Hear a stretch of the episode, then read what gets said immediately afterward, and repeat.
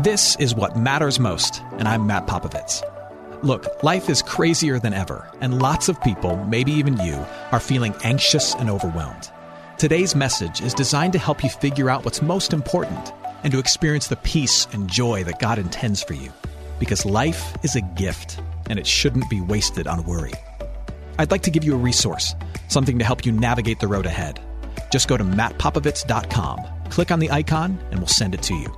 That's Matt, P-O-P-O-V-I-T-S dot com. And hey, if you happen to live in the Houston area, I'd love to see you on a Sunday morning at St. Mark in Spring Branch. Head to stmarkhouston.org to plan your visit. Here's today's message. Thanks for listening. We are ending this series that we did called Why God Why, where we have been walking through the Old Testament book of Habakkuk. And really, the, the bottom line of this series has been to, to wrestle with what it looks like to follow God when life is full of, of questions and craziness, when God seems to be up to things that we wouldn't be agreeing with if we were Him. Uh, and life is full of questions and craziness. Uh, we live in a world where, where bad people succeed. But the theme of this entire Old Testament book is this Habakkuk chapter 2, verse 4. Chapter 2, verse 4 tells us the entire theme of this book. And, and it's incredibly helpful for us. Not just helpful, helpful, but life giving for us in the middle of a world where tragedies happen and bad things occur. Habakkuk 2, verse 4 says this But the righteous, those who are right with God, they live by faith the righteous find their life through faith, not our circumstances, not our politics, not how good life is at home, not how cute our kids are in comparison to others, not how neat and orderly our existence is and how controlling we feel and how, how masterful of our own world we feel. Those are not the things that give us life. We find life through our faith and trust in our good God. That's the bottom line of this entire book. And Habakkuk becomes a picture of what it means to live that out. What it means to press on in this crazy world, not by trusting in your abilities, not by relying on your wisdom or seeking security in stuff, but rather as one who belongs to God through Jesus, living as one who relies upon, hopes in and has faith in the goodness and strength and the promises of God through Jesus Christ alone. And as one who lives this out, we see Habakkuk do three things in this book. First, we saw him, as an act of faith, take his questions to God. And that's really the first thing faith does in a crazy world. Faith doesn't keep the questions to themselves, but faith knows that God is there, God cares, God wants to hear, like a good and loving parent. He wants to know what's on our heart. So the first act of faith, the first way we live by faith, is that we take our questions out of our heart and we place them in our hands and we give them to Him. And we do what Habakkuk did, where we say, Why? Why is this world operating like this? What's going on, God? Help me make sense of it. Help me live in it by faith with you. As an act of faith, he takes his questions to God. Second, this is what we talked about two weeks ago. As an act of faith, we then submit to his answers and we find comfort in God. Habakkuk took his questions to God. God responded. God did not tell him things he wanted to hear, but Habakkuk submitted to that, said, You are good, you are mysterious, kind of crazy. I don't really understand you, God, but I'm going to submit to what you say to me, and I'm going to take comfort in the fact that though you are mysterious, you are good and you love me. So faith takes its questions to God. Faith then submits to and finds comfort in God. And now, as the book comes to a close, we see this that faith then demonstrates and expresses its trust in God. So faith questions, faith is comforted, and faith then expresses itself in trust to God. So that's what we're going to talk about today. Now, before we dive in, I just want us to take note and give credit to our boy Habakkuk and how far he has come in this book. If you remember, he begins in chapter 1 by asking this question How long will this go on? He sees God's people struggling, he sees the enemies of God's people succeeding, and the fact that they are looming over them, about to overtake them. And he asks this question of God. He says, Lord, how long is this going on?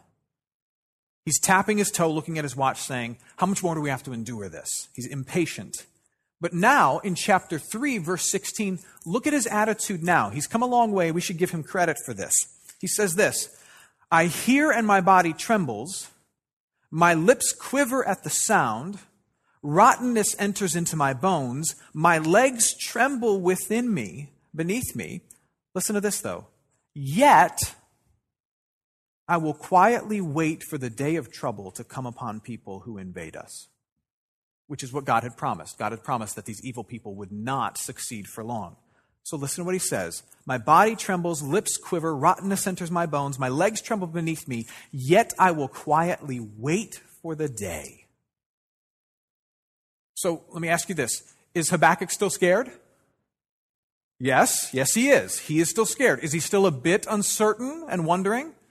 Yes, he is. But because of his faith in the goodness of God, what is he now able to do? He's able to trust. He's able to wait. He's still frightened, but because of the faith he has in the goodness of God, he's now able to wait. To wait on God in the middle of that fear. And this is a key learning for us. When your faith is focused on the right thing, you can endure almost anything. When your faith is anchored on the right thing, you can endure almost anything. When your faith is in the goodness of God, you can endure any situation. When your faith is in the situation, when the situation gets sketchy, your faith falls apart, doesn't it? So the object of our faith matters. When our faith is focused on the right thing, we can endure almost anything. Our relationship with God works the same way. When your, when your overarching faith, that which you trust most in for security and peace, when that faith is focused on God and the promises He's kept in Jesus, then I may get scared at times I may get uncertain at times, but I can endure and move forward and press on at all times. Are you tracking with me? Does that make sense? When your faith is focused on the right things, I can endure almost anything. And that word endure is an important one because um, we, see, we see Habakkuk do three things in expressing his faith. Um, and, and the first one has to do with simple endurance. Um, some think that, that expressing your faith in God when life is crazy uh, is about doing something really heroic. But it's not. Most often, the most faith filled thing, uh, the most heroic way to express your faith when life is crazy, is to just keep doing what you're doing. Faith is diligence despite the desire to freak out. Let me say that again. An expression of faith is simply being diligent in the life that God has called you to live, despite the desire to freak out because life is crazy around you. When life does get crazy and we let it pull us too far from the work and the people and the life God has given us to live, we don't end up making things any better. In fact, often our efforts end up making things what? worse. When Habakkuk says that despite his fears, he will wait on God, some people choose to see that as weak. But I would argue that because of the restraint that is required and the discipline that is displayed, to wait on God and go about your business trusting in Him to handle the things that only He can handle, that is actually an incredible sign of strength. Psalm 46, verse 10. Be still and know that I am God. Be still and know that I am God. I will be exalted among the nations. I will be exalted in the earth. For those of us who have gone through seasons of incredible struggle, gone through seasons of great uncertainty, you know that this verse is simultaneously uh, a source of peace to you, but also it's a challenge. It's tough not to just run around like your face is on fire and say, Somebody, anybody, help me. But the fact is, what God calls us to do is to be still and trust that He is going to do the things that only He can do. And that the greatest expression of our faith, quite often, is to simply be diligent in the things that He's called us to do, which is to trust Him, to pray to Him, to love our families, to serve our neighbors, and while He works, to wait on Him. One of the primary ways in which we express our faith in a world of whys is being diligent in our life despite the desire to freak out in life. There's more. Our faith is expressed not just in our diligence that we show, but in the words that we use. Faith is lived out in the midst of uncertainty by the witness we give despite the temptation we have to complain. Our faith is expressed by the witness we give, the words that we use, despite the desire we have to complain. Listen again to verses 17 through 18 here. Listen to what Habakkuk says. This is really just kind of incredible.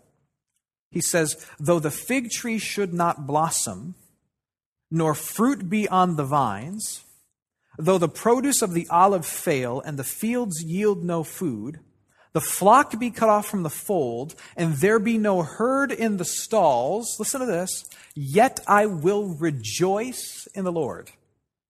I will take joy in the God of my salvation. Think about what he's saying here. This is an ancient way of him to say this. Even if I lose everything, even if I lose everything, I will express my joy and my hope that I have in my God. Let's walk through these verses really quickly. Um, figs are not really a popular thing to eat nowadays necessarily, um, but in the ancient world, they were a delicacy, they were a treat.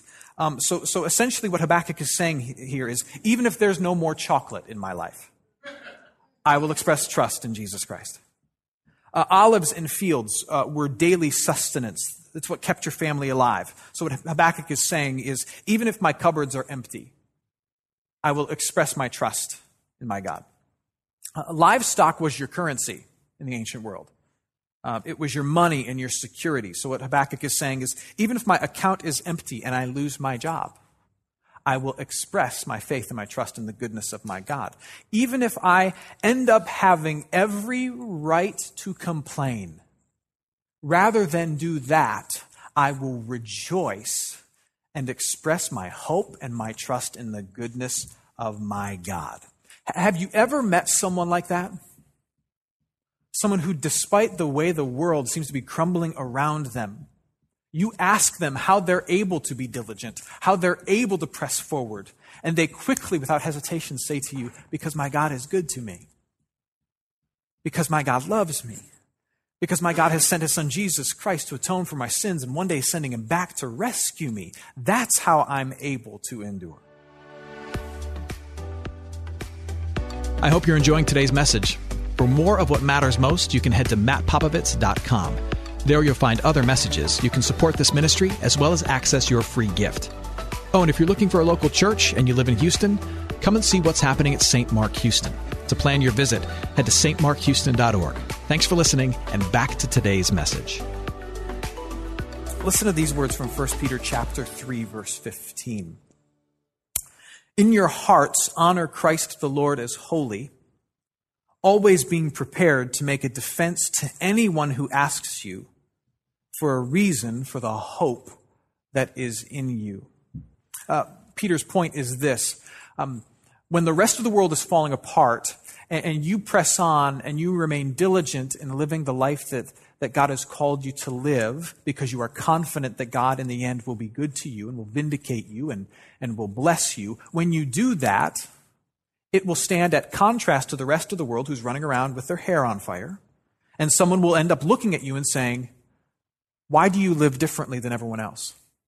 I would be freaking out if I were you. How are you able to press forward? How are you able to, to smile? How are you able to say God is good? How is that happening? And then you'll have an opportunity to say, well, the reason I have hope is because God has given me his love over and over and over again in his word, in his son Jesus, in his spirit that fills me. You'll have an opportunity to give a reason for the hope that is in you.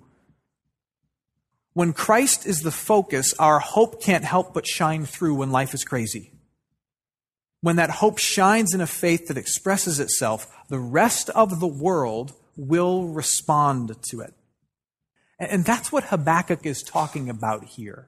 That confidence of God's goodness that, that trumps your context, your situation, your setting. That allows you, as you press forward, to say, no matter if everything else around me fails, God is still good. And I'll tell you what, when other people see that witness, they respond to it. Question Which are you? When life is falling apart, um, are you a whiner or a witness? We're, we're tempted to fill ourselves with other people's sympathy more than we're tempted to fill ourselves with God's promises. And yet, God calls us to be a witness. Jump with me now to verse 19. Uh, let's look at how the, uh, the entire book ends. Uh, chapter 3, verse 19 says this God, the Lord is my strength. He makes my feet like the deer's. He makes me tread on my high places. This is key to the choir master with stringed instruments. Uh, did you catch that last line? To the choir master with stringed instruments. This is interesting. Um, this was a note that Habakkuk had written uh, to the director of the temple musicians. Habakkuk intended for this last section of his book to be sung, to be, to be a song uh, prayed in song by God's people collectively as an act of worship. Uh, and that's really the last thing faith does when it's expressed. Uh, faith, faith is diligent, that's an expression. Um, faith uh, is a witness, it tells people why it's pressing forward. But the last thing faith does is that it worships. Faith expresses publicly its love for God. In the face of fear and worry, faith chooses to worship. That's why Habakkuk said, look, this, this prayer of confidence in God's goodness, I want the church to sing it. Because that's what faith does. Faith sings, it praises, it gives thanks to God in the face of uncertainty. And that's a part of faith that makes the rest of the world really scratch its head. Because their faith is in the stuff that falls apart. And they can't understand how you can sing and how you can praise when life is bad. Uh, but the key that, that, that many don't grasp is in the first part of this verse. Habakkuk says, The Lord is my strength. The Lord is my strength. Not this world, not my stuff, not my politics or my party, not my friends or my philosophies, but the Lord is my strength. He makes my feet steady in a rocky world. Uh, he uses the, the imagery of, of a deer here, which is kind of a strange thing to call upon, but it was common in the ancient world. Uh, Palestine, ancient Palestine was kind of mountainous and, and rough terrain. And, and the deer was famous for its ability to, to walk among the mountains and not have its feet slip. And what Habakkuk was saying is, look, as God's people, that's who we are. We are the ones who are able to, to walk on rocky terrain, yet have our feet confidently planted on the ground because God has placed steady rocks underneath us. That's us. The world is uneven, but God has given us a good footing. Here's the good footing He's given to you. He's demonstrated His abilities in the past. He's promised nothing but blessing for you in the future. He's proven Himself in Jesus Christ who came into this world, who died in this world, who rose again in this world. This is a crazy world, but he has set your feet on solid rocks. And when you realize that, that makes him worthy of worship. And that's what we're doing every week when we gather here. We, we, are, we are giving thanks to a God who, who has set our feet on a solid rock of Jesus Christ who has said your, your feet are not going to slip, they're not going to fail, the world is crazy, the terrain is rough, but I have made your feet steady and secure. And when we realize that, what faith does is it gives thanks for that. It says, Thank you, God, for putting my feet on solid ground. And an interesting thing happens. When we thank God for what He's done, we get to be reminded over and over of what He's done. This is why worship is so important. Uh, it's an expression of our faith, but it also fuels our faith. Worship is what faith does. Worship is also what faith needs. Because when we sing to Jesus, when we gather under the name of Jesus, when we pray to Jesus, when we're with the people of Jesus, you know what happens. Suddenly, God gets bigger, we get smaller, and our problems get better. When we worship, God gets bigger, we get smaller, and our problems get better. Worship fuels a life of faithful obedience. Faith worships, and faith also needs to worship. That's what we're doing here. We are expressing our faith in the midst of our mess. So when sickness strikes, we gather to express our faith that our feet are on solid ground. Thank you, Father. When our kids aren't calling anymore, we gather to express our faith that our feet are on solid ground. When money is tight, we gather to express our faith that our feet are on solid ground. When 9 11 happens, when fights break out, when political parties are doing nothing but fighting on television and yet telling us that they have our best interest in mind, we gather to give thanks and worship that our feet are not on that ground, but on the solid ground of Jesus Christ. When we worship, it is an expression of our faith, but it also fuels our faith because God gets bigger, our problems get smaller, and life is better. And faith knows that. Faith believes that. And faith can't help but do that. Faith does three things it asks the question, why? Then it submits to and takes comfort in God. But then lastly, having asked why and taken comfort in God and submitted to Him, it expresses its faith. It expresses its faith by pressing forward in the work God's called us to do rather than freaking out. It expresses its faith by giving an answer, a reason for the hope that's in us, and being willing to tell the rest of the world God is good, even though the world is crazy. And the last thing faith does is it worships. It gives thanks to Him that our feet are on solid ground in a rocky, rocky world. What Habakkuk has taught us, what he shows us, is that to live by faith is not just to sit with your questions, but to do something with them. Take them to God and then submit to His truth and then express your trust. That's what faith does.